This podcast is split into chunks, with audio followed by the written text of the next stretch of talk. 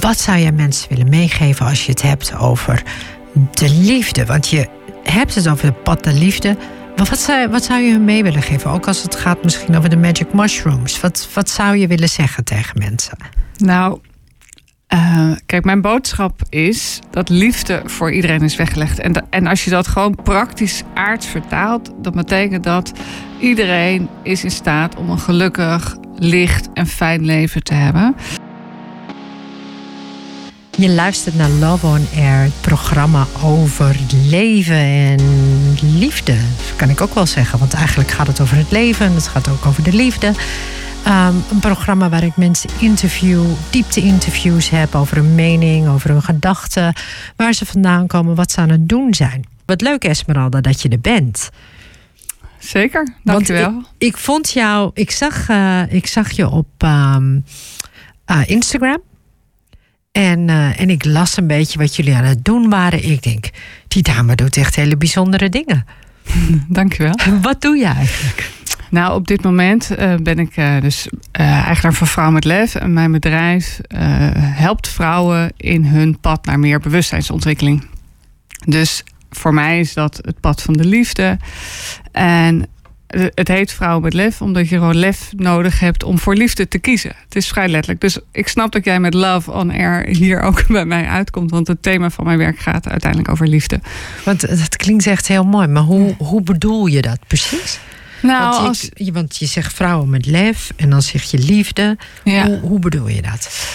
Nou, ik heb een jaar of tien geleden, dertien geleden zelf ontdekt dat, dat je eigenlijk in het leven altijd een keuze hebt. Laat ik me leiden door liefde.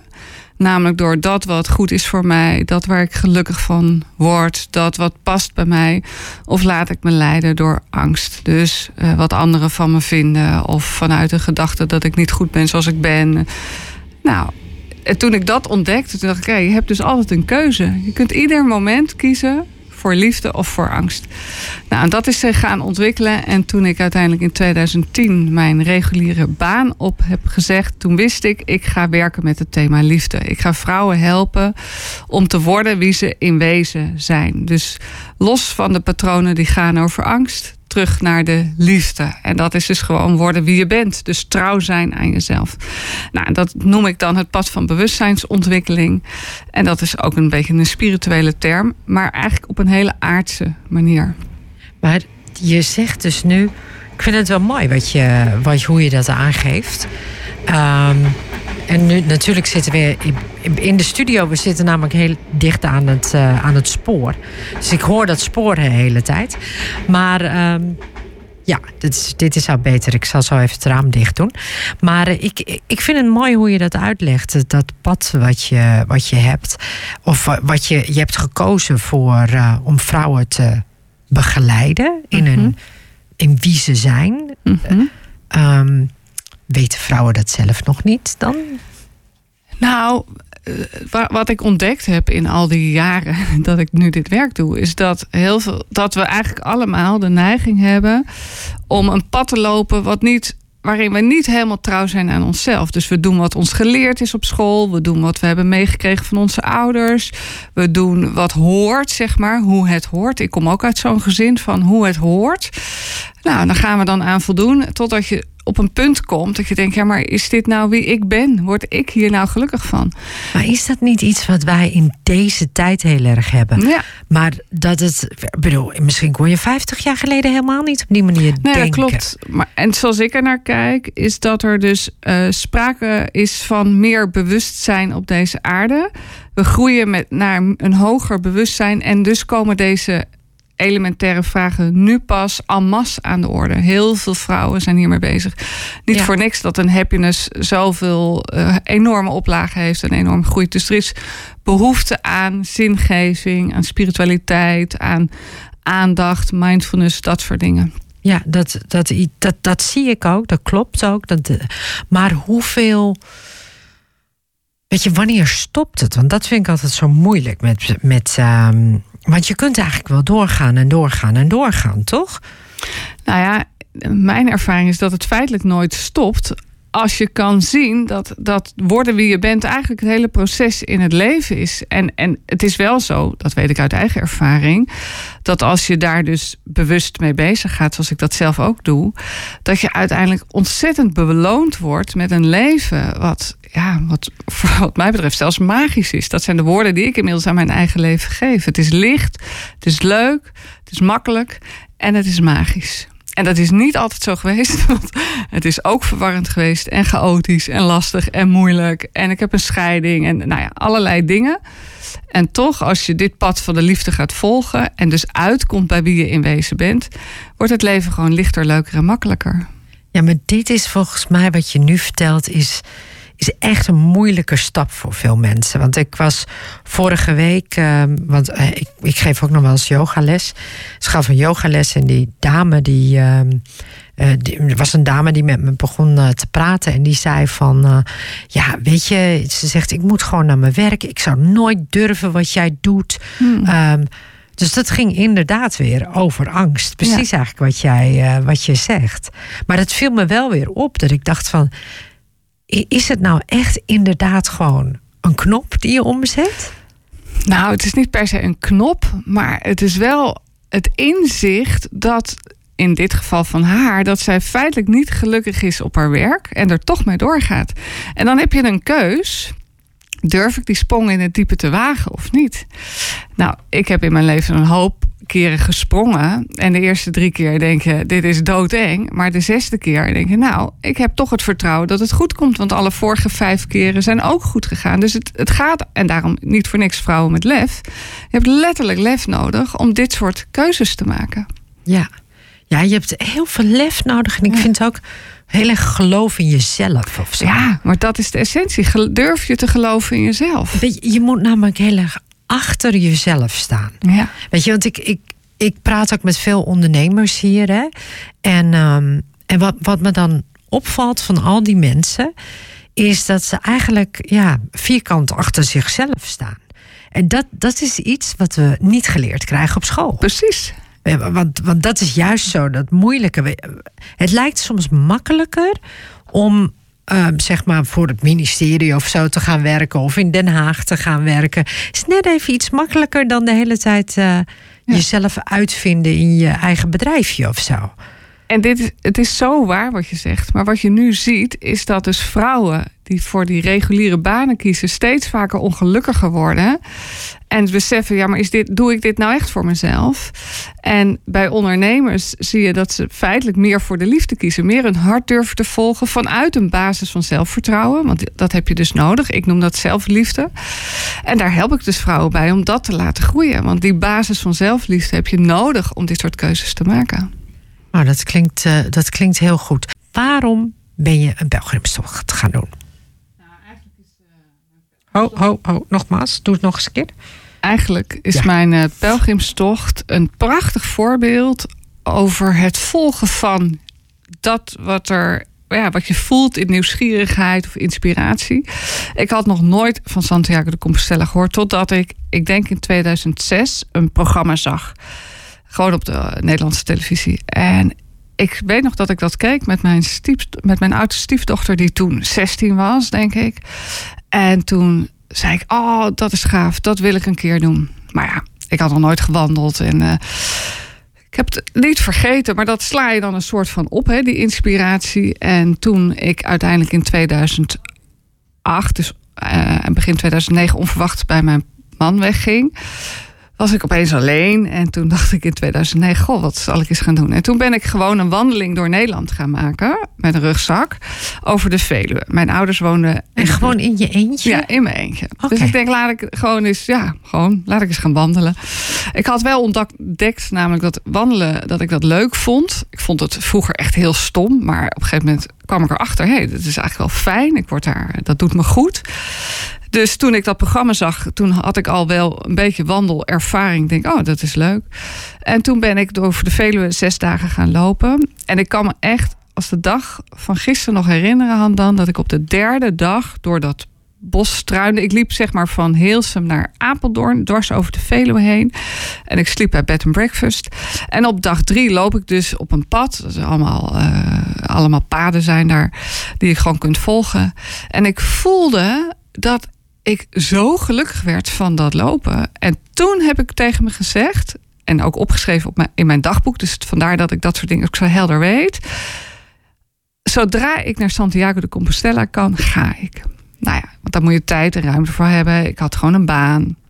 Had, nee, ik had toen trouwens, ik was al vrij, maar ik had geen geld. Ik had niet, ik was op dat moment had ik niet zoveel ruimte dat ik dacht, ik kan even zes weken weg. Ik had mijn baan wel al opgezegd. Uh, dat is nog een heel ander verhaal. De financiële kant komen misschien ook nog wel even op. Dat is ook wel een, goede... een leuk verhaal. Ja, want, dit, want hier maakt iedereen zich altijd zorgen ja, over. En, dat, en, op een bepaalde manier terecht en op een bepaalde manier niet terecht. Maar laten we dat even als een apart stukje straks uh, behandelen. Ja.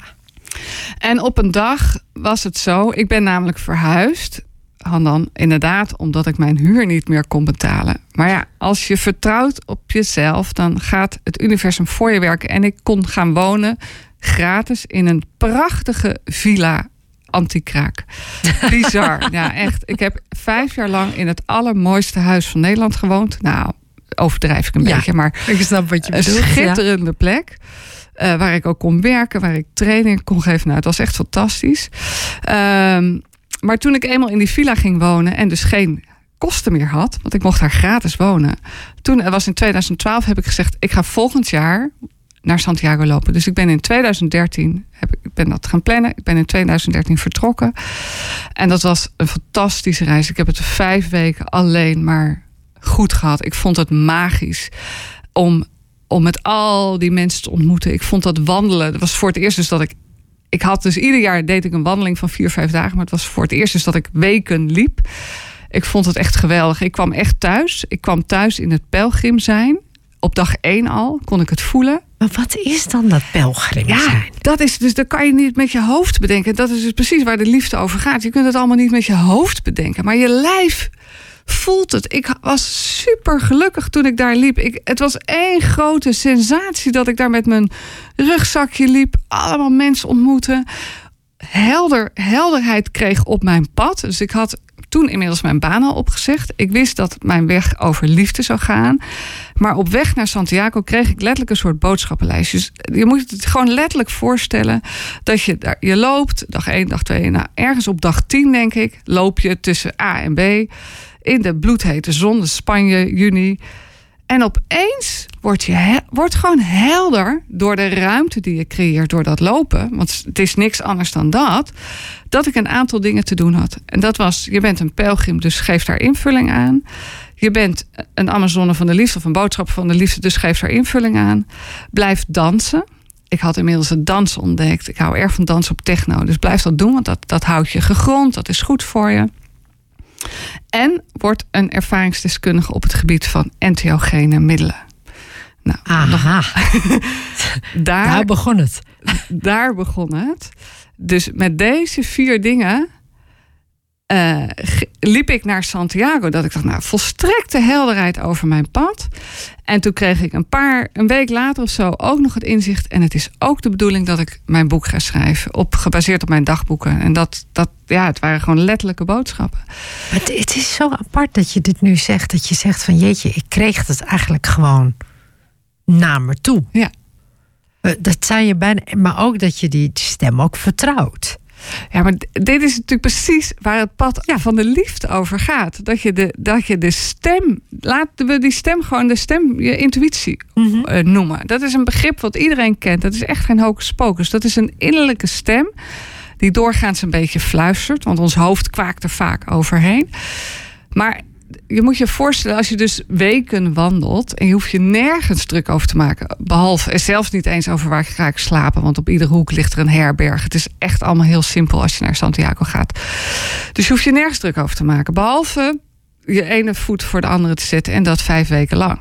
En dan kom je vanzelf aan in Santiago. En in die ruimte, die dus letterlijk ontstaat, en dus ook in de ontspanning die er ontstaat, kunnen dus inzichten, of kan je intuïtie dus ja, krijgt dan letterlijk ruimte. En wordt de stem van je intuïtie gewoon gehoord. Want je, als jij uren loopt, dan ben je gewoon stil. En ik heb Ik heb veel met mensen gelopen, maar ik heb ook uren en uren alleen gelopen. Dagen alleen gelopen. Fantastisch. Dat, en dat je gewoon vijf weken lang hebt gelopen. Ik vind het echt. Maar ik kan het me ergens wel voorstellen nu je het zo uitlegt. Heel mooi hoe je dat, uh, hoe je dat uitlegt. En dan, dat was pas het begin. Want ik heb net precies. 5000 kilometer gelopen van uh, Finisterre naar Jeruzalem. Ik, ik vind het echt ongelooflijk. Ik kom echt. Een paar weken terug had ik hier ook een dame die zeven bergtoppen had beklommen. Nu kom ik jou weer tegen die zeg maar duizenden kilometers loopt. ik vind het echt, wauw, weet je, dat doen jullie goed. Dat, ja. Uh, ja, heel bijzonder. Maar als je ontdekt, ik heb dus ontdekt dat lopen zo, voor mij zo um, vervullend is, dat ik er zo gelukkig van word en dat was dus ook de boodschap naar Santiago: van ja, je bent een pelgrim, dus geef daar invulling aan. En ik ben dus, je, dus je ging dus ook richting Israël? Ik heb besloten op die reis al, het is, dat kon ik ook weer voelen, want er gebeurde, er gebeurde natuurlijk iets. Namelijk dat ik twee mannen tegenkwam die een route naar Jeruzalem aan het markeren waren. Dus op weg naar Santiago kwam ik twee mensen tegen die een route van Santiago naar Jeruzalem aan het markeren waren. Ik kreeg een folder in mijn hand en daar stond op: The Way of Love, The Jerusalem Way, The Way of Love. Ja, voor mij is het een signaal. En ik denk, ja, ik moet die tocht gaan lopen. Dus in 2014 ben ik die tocht gaan lopen. Zeven etappes. En ik heb afgelopen februari ben ik aangekomen in Jeruzalem. Jeetje, en hoe lang heb je daarover gedaan? Of hoe, hoe ging dat in zijn werk dan? Ik ben ieder jaar drie tot acht weken weg geweest om die tocht te lopen. Zeven keer. Dus ik heb in zeven etappes. En Hoeveel kilometer? Dus vanuit Spanje naar Jeruzalem, dat is ongeveer 4000 nee, kilometer? Over, uh, over Europa, dus over Zwitserland en Oostenrijk, dat is de officiële route, is het 7.500 kilometer. Ah. En ik heb er 5000 van gelopen. Jeetje. Ja. Je, dat zijn echt van die dingen dat je denkt: oh wauw. Ja. ja. Maar als je voelt dat je dat te doen hebt, en we komen er ongetwijfeld nog op wat, wat de aankomst in Jeruzalem voor mij betekend heeft, dat ik nu zo snap dat ik die hele. Het is ook een metaforische tocht geweest voor mijn leven. Dus ieder jaar pakte ik weer mijn rugzak, ging ik naar het punt waar ik het jaar daarvoor gestopt was. Daar ging ik een, een uh, hart ophalen. Ik had altijd een hart om mijn nek. En dat legde ik dus neer als ik gestopt was. Dat gaf ik in bewaring bij iemand. En dat ging ik dan weer ophalen. En zonder mijn hart kon ik natuurlijk niet verder. En ieder jaar voelde ik weer, ik, het is echt de bedoeling dat ik ga. En ik heb nooit gesnapt, uh, nou ja, nooit echt geweten van ja, wat is nou precies de bedoeling? Totdat ik in Jeruzalem aankwam. En, en, nu moet je toch echt even vertellen, natuurlijk. Ja, ja achteraf weet je dan achteraf weet je wat de bedoeling is. Nou ja, het is ja. Het is zo'n mijlpaal voor mij geweest. Dus, dus de zeven jaar die ik naar Jeruzalem heb, heb gelopen die hebben zo symbool gestaan feitelijk voor het pad wat ik met mezelf ben gegaan. Het pad van de liefde.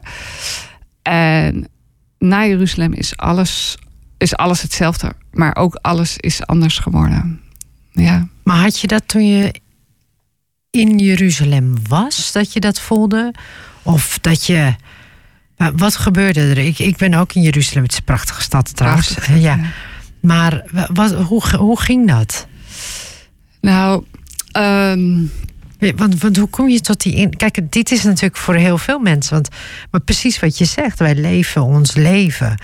En, um, en er is gewoon heel veel ruis. Ja. Je moet heel veel. En dat gaat maar door en dat gaat maar door. En jij zegt, jij bent eigenlijk in de stilte gegaan. En ja, dan, ja, in de stilte met lopen natuurlijk. En dan kom je in Jeruzalem aan. Ja. De, de keuze is natuurlijk om uit bepaalde systemen te stappen. Dus uit, door uit mijn werk te stappen, heb ik natuurlijk een, een, een, eigen systeem gecreëerd. waarin ik vrij ben om, om te doen en laten wat ik wil. Dus ook te lopen. Inderdaad, dus de stilte te ervaren. En de diepte van mijn reis heb ik in de laatste week. Uh, uh, kunnen ervaren. En het mooie is, Handan, daar is een uh, film over gemaakt. En de online première is zondag aanstaande. Het is een film over jouw tocht naar Jeruzalem gemaakt. Ja, over de laatste etappe. Dus de laatste 75 kilometer. Toen zijn er 13 vrouwen met mij meegelopen. Die heb ik uitgenodigd om met me mee te gaan. Er is mijn, een van mijn beste vriendinnen is filmmaker. Die heeft haar camera meegenomen. Die heeft van die reis een documentaire gemaakt van 50 minuten. En aankomende zondag is daar de uh, première van. Je kunt gratis tickets reserveren. Kan ik de website ja, geven? Ja, zeg de website. Ik zal hem sowieso ook onder de podcast zetten. Maar zeg de website De website is www.amillionstepsforlove.com dus www.amillionstepsforlove.com Heel mooi. En daar kun je een gratis ticket reserveren voor de online première. Die is zondag van 3 tot 5. Dus dat is mhm. een, een, een, alsof er een live première is. We, hadden, we zijn ook door corona natuurlijk creatief. Hebben we moeten zijn. Dus we hebben gekozen voor een online première. En daar vertel ik ook over deze reis. En over dat ik pas in de laatste week kon voelen wat, wat deze hele reis voor me heeft betekend. En, en eigenlijk kon ik. Uh, in de laatste week liepen we dwars door de westelijke Jordaanoever van Palestina. En daar heb ik gevoeld dat liefde inderdaad is wat de wereld nodig heeft. In een, in een gebied waar een conflict is, waar mensen niet vrij zijn. Toen dacht ik, en dit is mijn boodschap. En, en die, die heb ik zo sterk gevoeld dat ik na Jeruzalem zoveel meer nog ben gaan staan voor die boodschap, voor dat wat ik te doen heb. Ja, en dat doe ik dus nu nog, nog meer dan daarvoor. En kennelijk had ik die weg letterlijk en figuurlijk nodig om hier uit te komen. Maar dit is, ik, ik, maar heel mooi hoor. Ik, ik, ik sprak namelijk vorige week een dame. En, um, en zij heeft zeg maar haar weg genoemd, eh, of eigenlijk heeft Mantak haar benoemd als True Yin Returns. Mhm. Weet je, dus die. Maar het valt me gewoon op dat er nu dus zeg maar steeds meer vrouwen zijn die een soort van opstaan. En we hadden het vorige week er al over dat de Dalai Lama ooit heeft gezegd: Weet je, de westerse vrouw ehm, gaat de wereld uh, redden. Um, of in ieder geval, ja, gaat in ieder geval een grote stem erin hebben. En ik, en ik denk ook wel dat dat echt waar is. Want daar hadden we het de vorige uh, weken ook over. De westerse vrouw heeft heel veel vrijheden. En we, hebben, we kunnen ontzettend veel. Dus volgens mij is dit de stap die we, die we ook inderdaad moeten doen. Ja, en ik denk dat het waar is. En ik zie naast mezelf zoveel mooie vrouwen opstaan. Die zeggen: Ik ga niet meer in het systeem wat een ander voor me bedacht heeft, maar ik ga mijn eigen hart volgen. En dat zijn vrouwen die allemaal op hun manier een bijdrage leveren aan een veranderende wereld. Maar nu is me nog steeds niet helemaal duidelijk wat je echt concreet doet. Nou ja, als ja wat doe je? Ja, wat doe ik? nou, wat ik doe is dat ik vrouwen help op hun pad naar meer zeg maar, zelfliefde, samenliefde, universele liefde. Daar heb ik net al iets over verteld. En hoe doe ik dat? Dat doe ik onder andere doordat ik programma's aanbied uh, of trainingjes geef online. Dus als je naar mijn website gaat, daar kun je het goed zien, www.vrouwenmetlef.nu. Daar zijn ook een aantal gratis producten te vinden. En daar, daar vertel ik bijvoorbeeld um, een, een, een mini-trainingje in drie stappen meer lef in je leven. Of uh, lezen. Wat zijn, die, wat zijn die stappen dan? Nou, drie stappen naar drie meer stappen, lef. meer lef in je leven. Dat, de, dan kom je namelijk op uh, wat de lef ook betekent. Naast de letterlijke betekenis van moed, staat lef ook nog voor liefde, energie en focus. Mm -hmm. En wat ik eigenlijk zeg, is als je leert kiezen voor liefde, namelijk keuzes gaat maken die goed zijn voor jou, dan ga je zien dat je energie genereert. Dus je wordt er. Je wordt er energieker van, je wordt er blijer van, je wordt er gelukkiger van. En vanuit dat blije, gelukkige gevoel krijg je ook meer richting en focus op je leven. Dus het is eigenlijk, dus daar heb ik dan dat heb ik ooit ontwikkeld, drie modelletjes. En die zijn heel praktisch en concreet. En als mensen dan daarnaar kijken, denken, dan vallen er gewoon kwartjes dat ze zeggen: Oh. En ik, ik zal je ook, ook wel eens een, een pijnlijk kwartje dat mensen zeggen, als ze dat bijvoorbeeld de eerste stap, hè, je kunt kiezen voor liefde. Daar heb ik dan een modelletje voor ontwikkeld of uitgewerkt. En dat mensen eigenlijk schrikken van het feit dat ze zeggen: Ja, maar mijn leven bestaat dus eigenlijk voornamelijk uit angst. En ik eigenlijk helemaal niet uit vertrouwen en niet uit plezier en uit delen en uit uh, uh, gelukkig zijn en uit, nou ja, dat hè, uit aandacht. Dus dat is ook wel eens, het is ook confronterend soms. Maar ja, dat is wel de eerste stap om dan weer een andere keus te maken. Ja. Uh, dus dat soort uh, online trainingen geef ik. Er, ik ga nu dit najaar tien online trainingen maken. Dus mijn business is vooral online. Ehm, en die gaan allemaal over liefde. Dus dat is zelfliefde, samenliefde, universele liefde. Dus als je daar je in wil ontwikkelen, kun je gewoon een online training bij mij kopen of, afnemen. Dus dat doe ik concreet. Ik doe concreet een, uh, doe ik een online programma uh, en dat heet microdosering. Komen we denk ik zo meteen daar moeten we echt, op. Daar moeten we echt zo even op ja. Dat doen we dan straks ja, precies, in na het, het nieuws. tweede Ja. deel, na het nieuws. Uh, want dat gaat over het gebruik van entheogene middelen. Die boodschap kreeg ik natuurlijk ook door in Santiago... dat ik een ervaringsdeskundige op het gebied van deze middelen mocht worden. Ik ga dat zo meteen dan helemaal uitleggen. Um, en uh, daarnaast, bijvoorbeeld, ga ik ieder jaar... Uh, nu is het met corona even spannend... maar met een groep vrouwen op reis naar de woestijn. Dus dat is dus... Dus dan zit je in de woestijn? Ja, we zijn nu twee keer naar Marokko geweest. En in, in februari, maart is het de bedoeling dat we naar Jordanië gaan. En dan slaap je ook echt? zeven dagen of zes dagen in de woestijn onder de sterren met, met in het niks. Dus dat is de stilte opzoeken. Uh, weg van de telefoon. Zeven, acht dagen in totaal uh, op reis met een groep vrouwen, 10 tot 15 vrouwen. En dan de woestijn ervaren. Ja, dat zijn enorme life-changing ervaringen voor vrouwen. Dat is echt heel, uh, heel bijzonder. Hoe kunnen vrouwen dit bijvoorbeeld zo... Kunnen ze dat via jouw website? Kunnen ze Alles. zich aanmelden of weet ik veel? Ja, de woestijnreis van Jordanië wordt er deze week opgezet. Uh, www.vrouwenmetlef.nu Als je mij daarin wil volgen... ik stuur iedere week, uh, bijna altijd iedere week... ook blogs. En blogs zijn gewoon inspirerende verhalen... met wat levenslessen, die krijg je iedere week. En daar staat ook altijd een agenda van wat we doen... en waar je je dus voor kunt aanmelden. Ja. Oké. Okay. Um, en net voor, de, voor het nieuws waren we aan het praten over weet je, wat dat nou is, dat lef. Maar toen had ze het ook over entheogene middelen. Wat is dat? Ja, nou het woord entheogene middelen gebruik ik altijd als synoniem voor psychedelische middelen. En ik kies ervoor om het woord entheogeen te gebruiken, omdat uh, psychedelica in mijn ogen heel erg geassocieerd worden met drugs. En zelfs inderdaad met LSD. Um, terwijl entheogene middelen, wat mij betreft, wat meer um, het gevoel geven dat deze middelen uh, eigenlijk helemaal geen drugs zijn, maar superkrachtige medicijnen. Zo kijk ik er echt naar.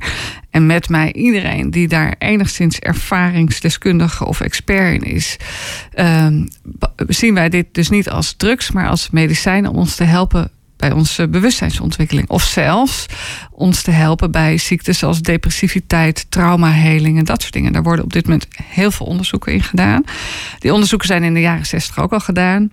Toen is er een soort demonisering van deze middelen gekomen. En er is een prachtig boek van Michael Pollan. Dat heet, dat is een Amerikaanse onderzoeksjournalist. En die heeft een heel helder, objectief, goed onderzoeksjournalistiek boek geschreven. Verruim je geest. Over de middelen in die tijd en zoals nu. En hij zegt dat er zelfs sprake is van een renaissance. Een nieuwe opkomst, een vernieuwde opkomst van deze middelen. En ik ben uh, in 2007 voor het eerst zelf in aanraking gekomen met, uh, in, dit geval, in mijn geval, de Magic Mushroom. Want even als voorbeeld, wat zijn dan entheogene middelen? Voorbeelden: LSD, uh, ayahuasca, iboga, bufo, de, de psilocybine in de Magic Mushrooms. Nou ja, er, er zijn er nog echt heel veel soorten. Maar dit zijn zeg maar een beetje de, degenen die we kennen. Mm -hmm. Ja. En het, en, en het, het woord entheogeen, dat is een, een, een, een, volgens mij is het een Grieks of een Latijns woord, wat, wat zegt van de God in onszelf afkomstig. Nou, toen ik dat voor het eerst hoorde, dacht ik, hmm, moet je dat dan meteen het woord God erin gebruiken? Maar ik vertaal het altijd, en zo is ook mijn ervaring in de afgelopen 13 jaar, dat het middelen zijn die je in contact brengen met je ware natuur.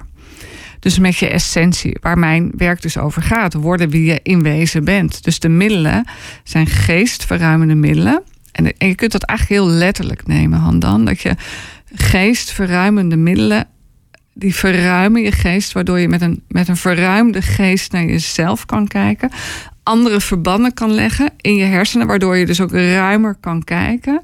En met die ruimere blik zie je meer hoe het werkelijk is.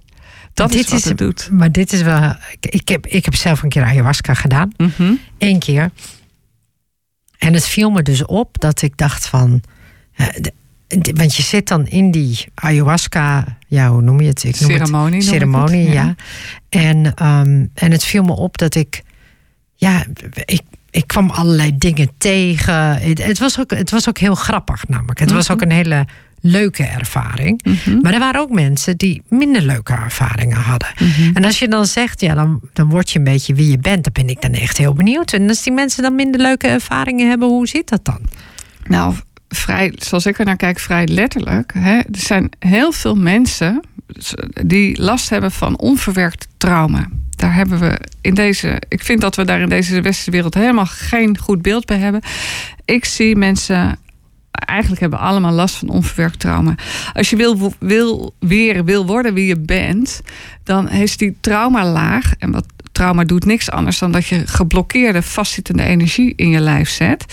Die weerhoudt je dus om helemaal bij je essentie te komen. Dus als je wil worden wie je bent, moet je bijvoorbeeld die lagen oplossen. Die, die vastzittende energie moet loskomen. En dat heet traumaverwerking. En dat is dat is een fysiek proces. Dat kan zich op allerlei manieren uiten. Door schreeuwen, maar ook door shaken of door schudden of door verkramping die eruit moet. Nou, dat zijn natuurlijk geen fijne processen. Maar je, je snapt dat als je dat doet, als je daar doorheen gaat, en dat is, dat is veel minder erg dan dat we vaak denken dat het is. Maar als je er naar kijkt, dan denk je, jeetje, dat is heftig. Maar dat is feitelijk, als je gewoon je lichaam volgt en je daarin overgeeft, niet zo heel erg. Het kan niet heel prettig zijn, maar als je dat gedaan hebt, dan, dan word je letterlijk een stukje lichter. Omdat dus die laag van, dat vastzittende, van die vastzittende energie weg is. Dat heb Dus- je echt mooi uitgelegd. Want Ja. Ehm, ik soms, want ik, ik heb wel ge- gekeken naar bijvoorbeeld TRE, hè, die tension release. ehm, dat Mhm. gebruiken ze veel bij de yoga. Dat is een veel lichtere vorm natuurlijk. Ja. Maar dat, dat gaat er ook vanuit dat dieren, als ze iets meemaken, Ja. eerst die, die, dat shaken Ja. hebben. En dan blijven ze vaak nog even liggen. En dan staan ze weer op en gaan ze weer door. Terwijl wij dat natuurlijk niet doen. En dus we, we, we gaan steeds. eh, ja, we, we- Nou, we, we, we beetje- schieten in die verkramping, maar we ontladen dus niet van die, van die energie. En, Ja. dat is, en die niet ontladen energie, die gaat zich vastzitten in je lijf. En daar krijg je letterlijk kracht, klachten van. Dus wat, wat ik echt in mijn werk zie, dus ik begeleid ook één op één mensen. Ik begeleid zelf ook ceremonies. Ehm, en daar zie ik dat mensen eh, die, die energie niet ontladen hebben. En dat kan dus bijvoorbeeld door paddenstoelen of ayahuasca eh, ja, bereikt worden. Dat je in die ontlading komt, waardoor je letterlijk je bevrijdt van een laag. En, en als je maar laag op laag eh, eh, je bevrijdt van die energie, dan kan je dus letterlijk vrij worden in jezelf. En dat is wat traumaverwerking kan doen. En het is dus voor iedereen dus ook haalbaar om van trauma's af te komen. Dat, zie- ik zie het Ja. letterlijk in mijn werk gebeuren. En Ja. dat is dus niet alleen maar met praattherapie, zeg jij juist eigenlijk? niet. Want En, want het zit in Ja. je lichaam veel meer. En, eh, want ik vind dat mooi om te zeggen, je lichaam is een soort van je onderbewuste.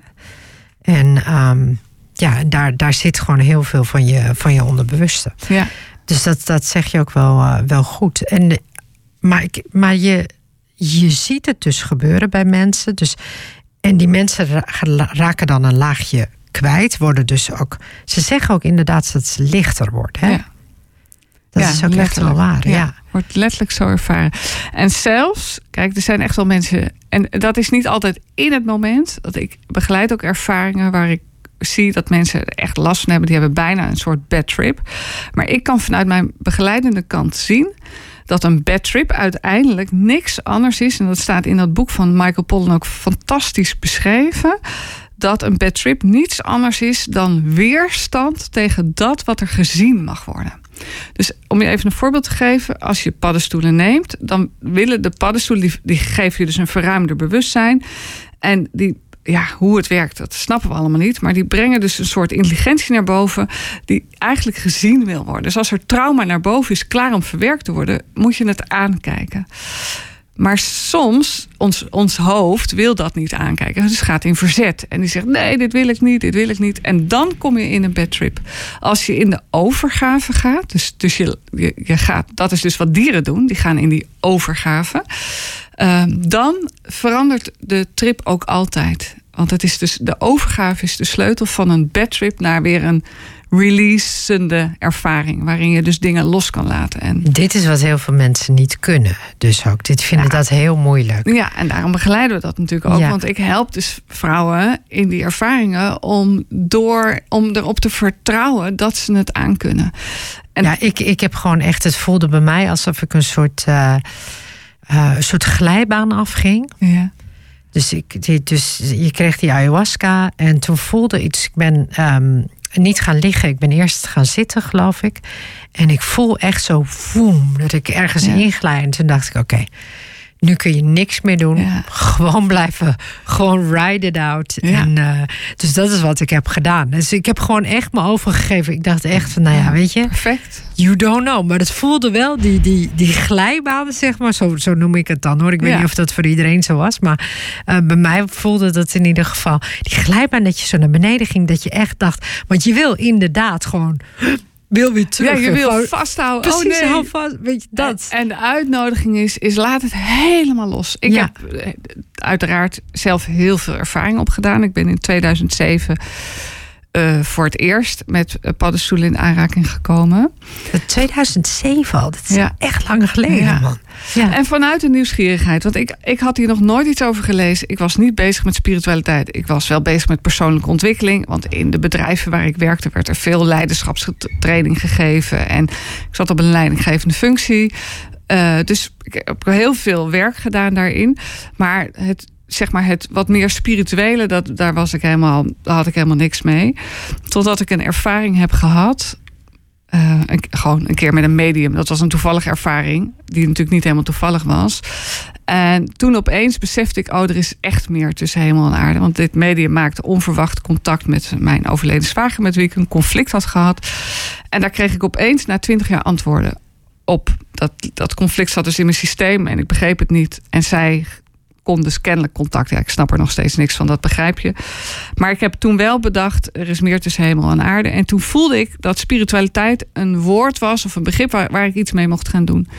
En toen ik een paar maanden later bij, de smart, bij een smartshop stond. In 2007 ben ik gewoon uit nieuwsgierigheid naar binnen gegaan. En toen zei die meneer, ja, je kunt eh, fun hebben met die paddenstoelen. Hij zegt, maar je kunt ze ook gebruiken voor je spirituele groei. Nou, toen ging er een soort lampje aan. Ik werd, ik werd gewoon nieuwsgierig. En ze kwamen een soort, oeh, dat is spannend. En toen zei ik tegen mijn toenmalige man, nou, zullen we het eens een keer proberen. En toen ben ik eh, voor het eerst zelf paddenstoelen gaan gebruiken. Feitelijk dus recreatief, maar wel altijd vanuit de setting... En, en het verlangen om daar als mens spiritueel in te groeien. Ja, Ja. Dus, dus, dus niet een beetje, ah, we gaan de tv kijken, een beetje lachen of in het park lopen. Maar echt naar binnen, liggen, muziek aan en daar echt een soort ceremonie van gemaakt, zeg maar. Ja, hier, hier moeten we. Maar wat doen die paddenstoelen precies? Wat voor middelen zitten daarin? En ik kan me ook wel een beetje voorstellen dat mensen er ook een beetje bang voor zijn. Ja, dat is, dat, is, dat is heel begrijpelijk overigens. Ook omdat je natuurlijk in de media eh, vooral negatieve verhalen leest als ze er zijn. Ehm, ik heb inmiddels na 13 jaar ervaring echt een. eh, ja, ik kan gewoon zeggen dat het echt iets anders doet. En dan is er ook nog een verschil tussen neem je heel veel of neem je een heel klein beetje. en eh, beide zijn mogelijk, bij wijze van spreken. Ehm, je vraagt van wat doen die paddenstoelen nou? Hè? En ik werk zelf. eh, want ik, Want ik, heb, ik heb nog nooit die paddenstoelen gehad. Ik, ik doe wel shaga en reishi, maar die zijn meer medicinaal. ja, ja. Maar deze paddenstoelen. Nee. wacht, ik heb het één keertje een keer gedaan. Eén keertje omdat iemand een micro beetje Ja. aan me gaf. Nou, het is grappig dat je dat woord noemt. Of hè, micro. Tegenwoordig zie je heel veel. Het heeft ook veel in de media wel gestaan. De afgelopen drie, vier, vijf jaar dat het, het fenomeen microdoseren in opkomst is. En dat betekent dat je met zeer kleine hoeveelheden entheogene middelen, in mijn geval dan eh, werk ik met de paddenstoel, eh, tot je neemt. eh, en dat twee keer in de week gedurende een langere periode. In plaats van op een ceremonie waar je dus een volle dosering krijgt om een volle uh, diepgaande uh, ervaring te hebben, uh, is het dus ook mogelijk om over een langere periode met de paddenstoel te werken. En ik ben eh, in 2018, uh, begin 2018 zelf, op het, uh, ja, op het spoor van de, van de microdosering gekomen. Ik werkte al met paddenstoelen. Ik had al, hè, ik ben, wat ik vertelde, in 2007 ben ik begonnen met paddenstoelen, maar ook met ayahuasca en iboga, al die middelen geprobeerd. Niet alleen voor mijn eigen proces, maar omdat ik ook de boodschap kreeg om daar een ervaringsdeskundige in te worden. Nou ja, je wordt natuurlijk alleen maar een ervaringsdeskundige als je het doet. Mm. Dus ik ben bij adressen geweest en gezien hoe op een fantastische manier in Nederland uh, dat, dat wordt gedaan. Um, en ik heb uiteindelijk eh, zelf ook de boodschap gekregen dat ik met de paddenstoel mocht gaan werken. Dus ik geef zowel ceremonies als sinds 2018 ook een microdoseringsprogramma.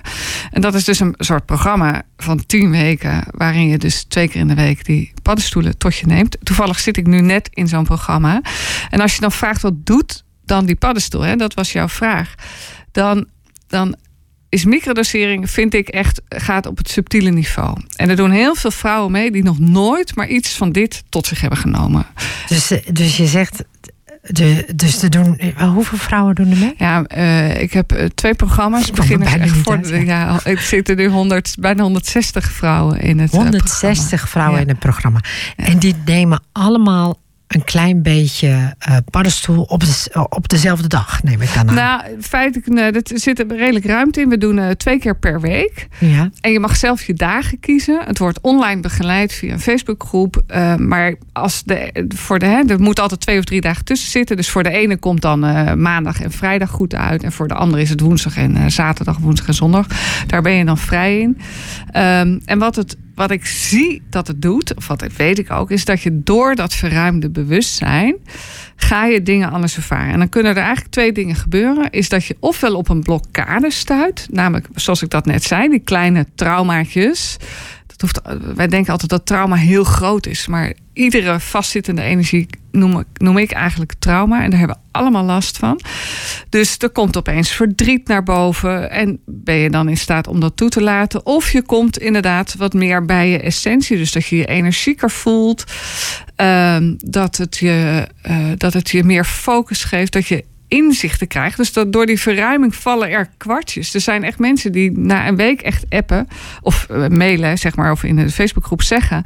Ik heb echt een mega inzicht gehad. Ik had vandaag iemand die zei: Ik kom erachter dat ik eigenlijk zo negatief over mezelf denk. Ze zegt: Het is schokkend dat ik dat nu pas zie. Dus, de, dus dat is een patroon, daar ben je je dus niet bewust van. Dus dat is er gewoon een, een mechanisme geworden. En de paddenstoelen laten in dit geval bij haar, zien dat ze dus in een patroon zit. Dat ze kan er een soort van als een waarnemer naar kijken. Snap je dat als ik dat ja, zeg? Ja, ik, ik, begrijp wat je bedoelt. Maar het klinkt soms zo zweverig in de zin van dat volgens mij als mensen dat horen, dat ze dan ook kunnen denken van ja, maar dat wist je toch?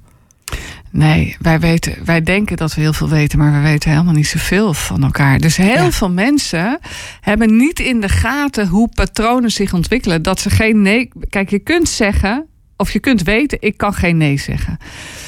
Maar heel vaak hebben mensen niet door op welk subtiel niveau dat, dat eigenlijk in, in, in ze zit verweven. En door bijvoorbeeld de paddenstoelen worden ze zich bewuster dat ze denken: oh ja, dit is nou precies zo'n moment waarop ik dus weer geen nee zeg. En dan is het dus niet de paddenstoel die zorgt voor de verandering, maar het inzicht waardoor je het ook anders kunt doen en kan zeggen: oh ja, maar ik zeg dus nu wel nee. En dat geeft een andere ervaring.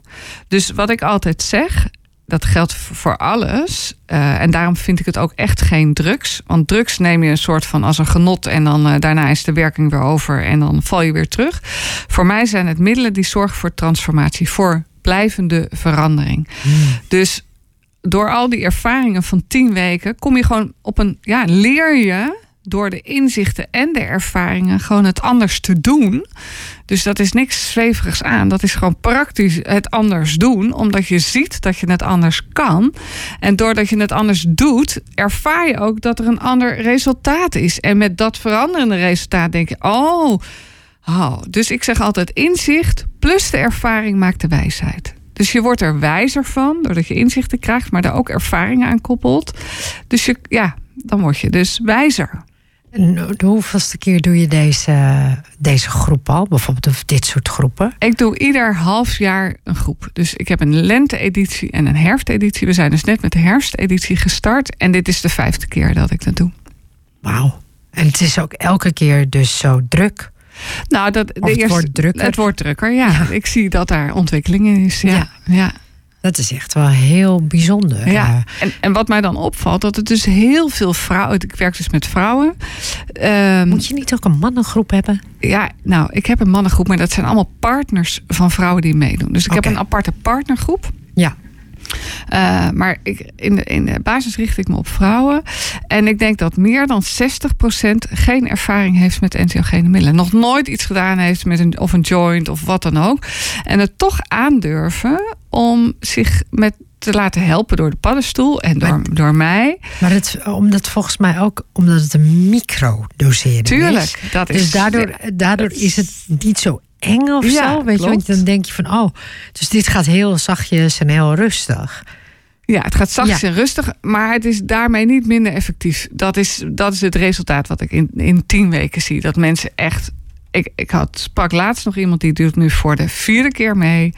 En die zei: Het was echt mindblowing. Dus, het- dus, dus de resultaten zijn ook best wel. En diegene die voor de vierde keer meedoet, Ja. bijvoorbeeld. Dus die heeft al vier keer heeft hij allemaal inzichten gehad. Ja, En die heeft nu weer inzichten. Of Ja. hoe, hoe werkt dat dan? Ja. Waar- waarom doe je het vier keer bijvoorbeeld? nou ja, omdat, ik heb dat ergens aan het begin eh, van dit gesprek ook gezegd. Van, weet je, uiteindelijk, zoals ik er naar kijk, is kun je oneindig groeien in je bewustzijn. Ja, oké.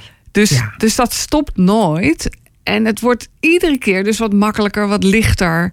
Ehm, Maar is het dan niet gewoon dat die mensen er een beetje verslaafd ja, zijn? dat is dan wat. Als je er geen ervaring mee hebt, snap ik echt dat iedereen dat denkt. ja, maar, precies. maar en dat is niet zo. Want ten eerste zijn middelen als paddenstoelen eh, en LSD zijn, en ayahuasca totaal niet verslavend. Staan onderaan de lijst van als je het al verslavend kan noemen. Waar tabak, alcohol, coke en heroïne dus helemaal hoog staat, is, staat LSD en mushroom staat helemaal onderaan. Ayahuasca komt in die lijst niet eens voor, want dat is zo vies, daar wil je niet veel van drinken. Ehm, en ik ervaar ook letterlijk dat het niet verslavend is. Alleen, en dat is best moeilijk uit te leggen, vind ik. Dus ik ga het op mijn manier proberen. Dat als je bezig bent met bewustzijnsontwikkeling, dan komt er van binnenuit een verlangen om daarin te groeien. En dat is dus niet een ver- een verslaving zit in het hoofd, komt voort uit een angst. De angst namelijk dat je niet goed genoeg bent. Dus iedere verslaving heeft in mijn ogen een koppeling aan een diep geloof over jezelf. Dus dat is een negatief geloof. Ik ben niet goed zoals ik ben. Dus ik ga met andere middelen een soort eh, ja, iets creëren waarvan ik dan nog denk dat ik me fijn voel. Dat is verslaving. Dit werkt precies het, het omgekeerde. Deze middelen, en daarom noem, is het voor mij ook echt anders. Deze middelen die helpen je te groeien naar wie je bent. Dus je wordt veel meer jezelf. Ehm, en dat, ja, het zijn cadeautjes van Moeder Aarde, van de natuur, die, die ons helpen. Hè? Het, is ook, het zijn ook eeuwenoude ayahuasca, psilocybine, komt uit eeuwenoude stammen om, om wijzer te worden, om te groeien als mens. Ja. En dat is dus precies het tegenovergestelde van verslaving. Alleen als je daar geen ervaring mee hebt, dan kan het vanuit de buitenkant bijna hetzelfde lijken. Dus dat is best ingewikkeld om uit te leggen. ja, dat is best ingewikkeld om uit te leggen. Dat klopt, ja. Dus ik, ik weet ook niet of iedereen het ook meteen, eh, meteen snapt. Maar heb jij dan dat je trauma's meemaakt als je erin zit? Of hoe, hoe, wat, wat gebeurt er dan met jou Ja. bijvoorbeeld? Nou, laat ik zeggen dat ik, eh, dat ik kennelijk het geluk heb dat ik niet zo heel getraumatiseerd ben. Ik ben opgevoed in een, eh, opgegroeid in een heel veilig gezin. Waar heel veel ruimte was om mezelf te zijn. En, eh, en ik zie, ik heb heel veel klanten. Ik, dat is gek? Ik, ik, heb ook, ik werk ook één op één. En eh, vanaf de dag dat ik als life coach ging werken, mijn baan bij IKEA had opgezegd, kwamen er heel veel vrouwen en ook mannen ook wel op mijn pad die, die bleken behoorlijk getraumatiseerd zijn. En dan bedoel ik echt van alles, hè? van inzet zes tot mishandeling, tot verwaarlozing, tot, tot nou ja, verzin het, uh, niet gezien, uh, geboren tweelingen. Nou, verzin het. Uh, dat ik dacht, hoe kan het dat juist deze mensen bij mij komen terwijl ik daar niet zo'n ervaring mee heb? Maar kennelijk representeer ik vooral de andere kant. Dat er voor hen dus hoop is dat zij ook uh, vrij kunnen zijn van dat trauma. En ik merk dat ik vrouwen daar dus mee kan helpen. Maar je vroeg naar mijn eigen ervaringen. Um, mijn eerste echte ervaring. Uh, dat was dus in, uh, ik weet de dag nog, de dag als vandaag, uh. Het was april 2008. 29, 30 april volgens mij, de dag na mijn trouwdag. En ik deed een paddenstoelervaring voor de derde keer. De eerste twee keer was echt totaal kansloos. Ik kwam er niet in. Ik was alleen maar met mijn hoofd bezig met mijn man. Dus ik, was, werd, ik kon me helemaal niet overgeven. Dus dat was mijn, waren mijn eerste twee ervaringen. En de derde keer ging kon ik me wel overgeven. En kon ik dus, wat jij vertelde, je glijdt er dan een soort van in. Hè? Dus ik gleed in die ervaring, in de overgave. En wat ik ik zag allemaal beelden, allemaal aardse beelden uit mijn leven. Er kwamen allemaal flashbacks. En die beelden lieten mij zien, of lieten mij vooral voelen. Want dat is dus wat die paddenstoelen doen. Dat is ook wat ayahuasca doet. Die laten je gewoon op een ander niveau voelen. Dus dat, dat kan je dus moeilijk uitleggen totdat je het ervaart. Want dan denk je, oh ja. En ik, en die, die, ik kwam uit bij mijn kracht, bij mijn echt bij mijn eigen power. En, die, en dat was ook de power van een krijgsvrouw. Het vrij letterlijk. En het bijzondere was dat ik toen ik die avond aan mijn man vertelde wat voor ervaring, mijn ex-man, uh, vertelde wat voor ervaring ik had. Uh, toen beaamde hij dat. Want hij had een soort gelijke ervaring over mij gehad. Hij had mij ook gezien als een warrior. Dat was echt... in, de, in de in diezelfde In diezelfde trip. dus wij hadden allebei die tripervaring. Een individuele trip, maar wel op hetzelfde moment, dezelfde ruimte. Maar hij heeft ook mij ervaren als een oorlogs, als een krijgsvrouw, als een warrior. Hij zegt, ja, je bent echt een warrior. En toen dacht ik, bizar, want dat heb ik zo gevoeld. En dat was een beeld van een Amazone van een jaar of duizend geleden. Maar die... echt, nu je het hebt over die Amazones, hè, dan moet ik toch wel even vertellen. Uh, ik heb een, uh, ik heb dus, dus ik heb nog een bedrijfje of een eigen ding opgericht. En dat heet dus Olives and Amazons. Dus dat jij zegt, ja serieus, ik kan je ook gewoon een pagina laten zien op Facebook waar ik 500 volgers heb. En dat heet Awaken the Amazon. Ach. En, um, maar dat komt ook omdat die vrouwen voor mij uit dat gebied komen van uh, Turkije, Rusland, uh, de Balkan. Um, ik weet niet of je dat weet. Eh, ze zeggen dat het namelijk een mythe is, maar ze hebben heel veel botten gevonden van vrouwen te paard. En er zijn verhalen dus dat die vrouwen met, um, met een leger van 15.000 vrouw wow. Syrië in zijn getrokken. En dit is dus het feit, zeg maar, dat jij die dat visioen hebt. Ja. Ik, ik heb het uitgezocht, dus ik heb al die namen ook uitgezocht uh, van die vrouwen. Want um, in de Griekse mythologie worden ze de hele tijd bevochten, die vrouwen. En wat, wat ook logisch uh, is, want dat, dat hoort ook bij die tijd een beetje, want in die tijd leefden ze ook. Maar die vrouwen, er wordt bijna niks over gezegd. Er wordt net gedaan alsof ze een soort Um, ja, nooit bestaan nooit hebben. bestaan hebben. Dat Als ze een, verhaal, een soort ja, sprookjes vertelt. Ja. En, dat, en dat is dus niet zo. Dus ze hebben ook echt, echt bestaan. Nou, dus ik vind dat wel heel grappig dat je dit, dat je de hele tijd die Amazone-vrouwen noemt. Ja, nou, nou, ik heb ook een eigen bedrijf nog gehad. Dat heet Amazone Life Coaching. Dat is nu opgegaan in Vrouw met Lef. Uh, en dat is echt de kracht van die Amazone. Van die krijgsvrouw. En die kracht heb ik de, de paddenstoelen lieten mij zien en voelen en ervaren dat ik in dit leven de, uit deze kracht kan putten. Dus ik kreeg beelden van letterlijke dingen die ik had gedaan op mijn werk. Waarvan ik dacht, mijn hoofd nog dacht, nou ik weet niet of ik daar nou zoveel indruk heb gemaakt. Maar waar de paddenstoelen mij lieten zien. Maar wat je daar hebt gedaan, dat is veranderend geweest. En toen kreeg ik een paar maanden later van iemand terug, nou wat je daar hebt gedaan, dat heeft me zo geraakt, weet je wel, op die manier. En sindsdien is die kracht van die van die Amazone is bij mij. En ik durf op deze kracht te vertrouwen. Dus het lijkt wel of die paddenstoelen een luikje open hebben gemaakt naar deze power.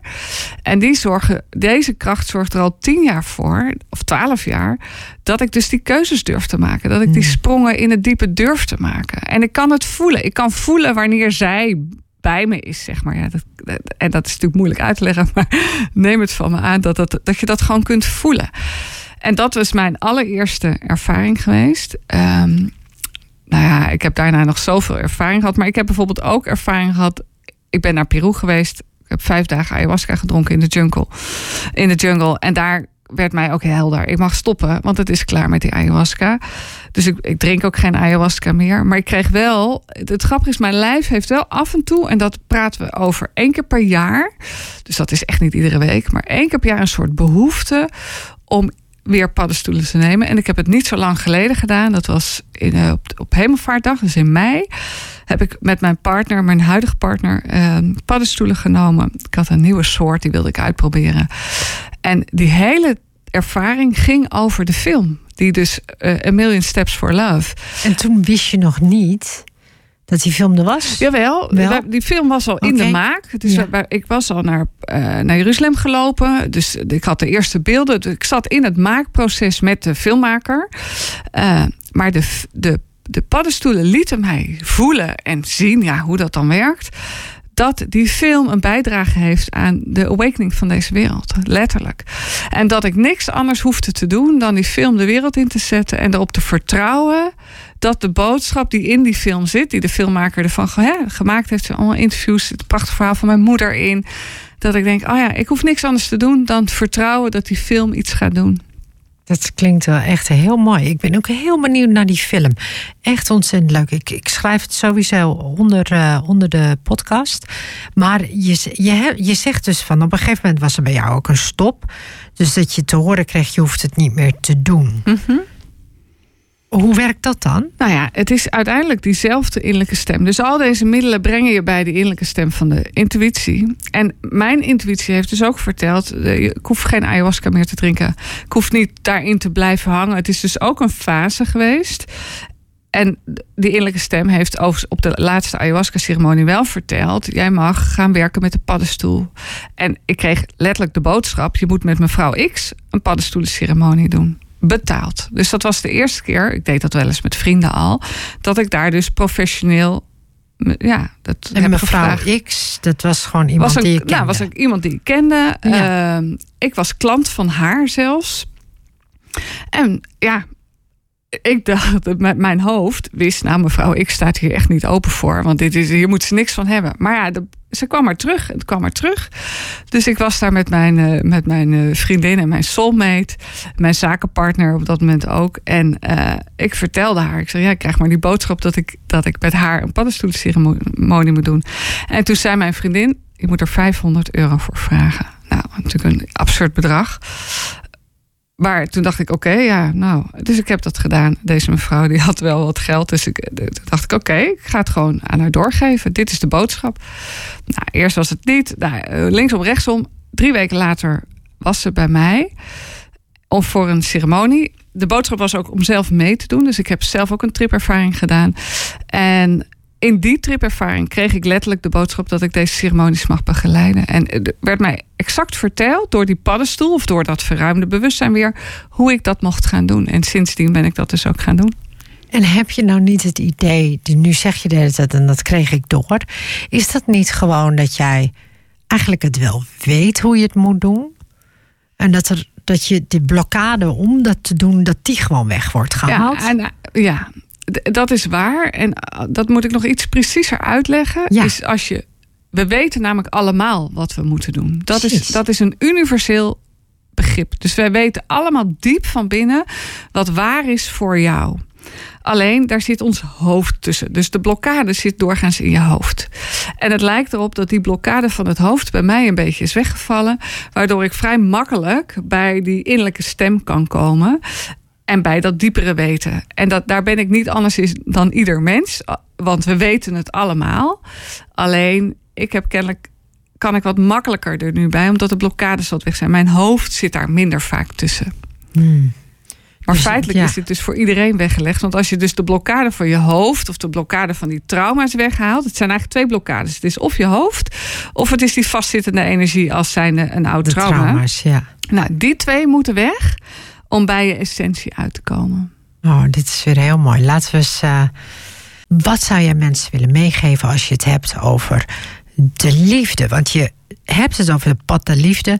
Maar wat zou, wat zou je hun mee willen geven? Ook als het gaat misschien over de magic mushrooms. Wat, wat zou je willen zeggen tegen mensen? Nou, uh, kijk, mijn boodschap is dat liefde voor iedereen is weggelegd. En, en als je dat gewoon praktisch aards vertaalt, dat betekent dat iedereen is in staat om een gelukkig, licht en fijn leven te hebben. En uh, ik heb binnenkort een lezing en daar kwam ik uit op drie dingen. En drie tips eigenlijk. En feitelijk is het leven het leven zo gevaarlijk mogelijk. En daarmee bedoel ik echt niet dat je zonder parachute uh, het vliegtuig uitspringt. Maar durf je comfortzone een beetje op te rekken. Dus durf af en toe eens even, al zijn het hele kleine stapjes, even iets te doen wat je niet helemaal gewend bent. En kijk eens wat dat je oplevert. Want dat geeft namelijk energie en je, krijgt nieuwe ervaringen. Dus dat is leuk. Dus leef het leven zo gevaarlijk mogelijk. Leef het leven zo uitbundig mogelijk. En een heel kort verhaaltje. Dit heb ik laatst. Is die zin echt tot me gekomen omdat een hele goede vriend van mij totaal onverwacht is overleden. En een extreem uitbundige uitvaart had. Werkelijk waar over de top. Nou, ik vond het echt fantastisch. Dat ik dacht, oh ja, ik vond het echt inspirerend. En dat betekent. Uh, leef het leven uitbundig. Weet je, geniet. Uh, zeg ja tegen het leven. Uh, hou je niet in, hou je niet klein, zonder, zonder over de top te zijn en zonder te overdrijven. Want de volgende tip die ik heb is: leef het leven zo eenvoudig mogelijk. Mijn pelgrim zijn. Dus die, die, die, ik heb inmiddels 6000 kilometer in mijn benen zitten in de afgelopen acht jaar. Heeft me zo geleerd dat het werkelijke geluk zit in de kleine dingen. In de eenvoud van het leven. In, het, in dat contactmomentje. In die mooie bloem.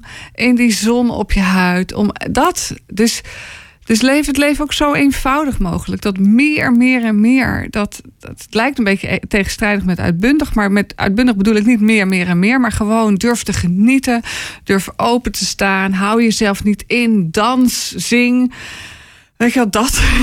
Ja, uh, wees, wees gewoon helemaal jezelf. ja, en wees daarmee jezelf. Want dat is wat liefde is. Is trouw zijn aan jezelf. Ja, en achter jezelf staan. Ja, ja we zeggen het redelijk makkelijk hoor. Maar um, dit is mij ook in mijn leven wel opgevallen. Dat, en dat heb ik ook zelf ook altijd wel uh, gezegd. Dat ik zei altijd van ja, eigenlijk ja, het klinkt een beetje gek, maar ik kan altijd heel goed op mezelf vertrouwen. Ja. En ook mijn eigen radar of zo kan ik heel goed op vertrouwen. Maar voordat je dat durft. Ja.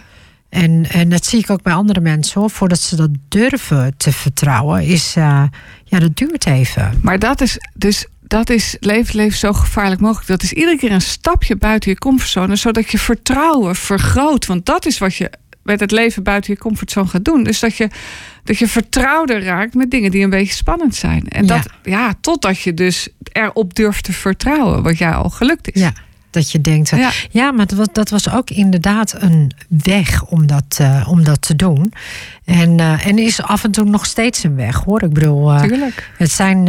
en elke keer die keuze te maken voor wat jij leuk vindt of waar jij achteraan wil gaan, is, is niet altijd makkelijk. Want, want je denkt van, oh, misschien moet ik uh, iets doen. Misschien moet ik. Nee, maar als je het moeten loslaat en je gaat volgen waar je blij van wordt, waar je nieuwsgierigheid door getrikt wordt, dus waar je van aangaat, dan maak dat is eigenlijk het enige wat je hoeft te doen. Ga doen waar je blij van wordt, waar je, nu, waar je door geprikkeld wordt op een positieve manier. En jij zegt ook dat je daar ook gewoon geld mee kan verdienen. Nou ja, ik, ik zeg het maar even. Ik heb een business en dat is zeer. Ik heb op dit moment serieus een business en eh, dat groeit en ik heb gewoon een bedrijf en ik verdien daarin mijn geld. Precies, en ik geloof dit is wat mensen maar dus ook altijd vragen hè, van, maar kun je dan wel geld verdienen? Ik zeg ja, ja zeg ik dan ja. Tuurlijk. Ja. Als je doet wat goed is voor jou, dan gaat het leven voor je werken en is het zelfs de bedoeling dat je er ook geld mee verdient. Daar ben ik heilig van overtuigd. Ja, nou, dat, dat vind, ik, vind ik een ontzettend mooie manier om. Uh...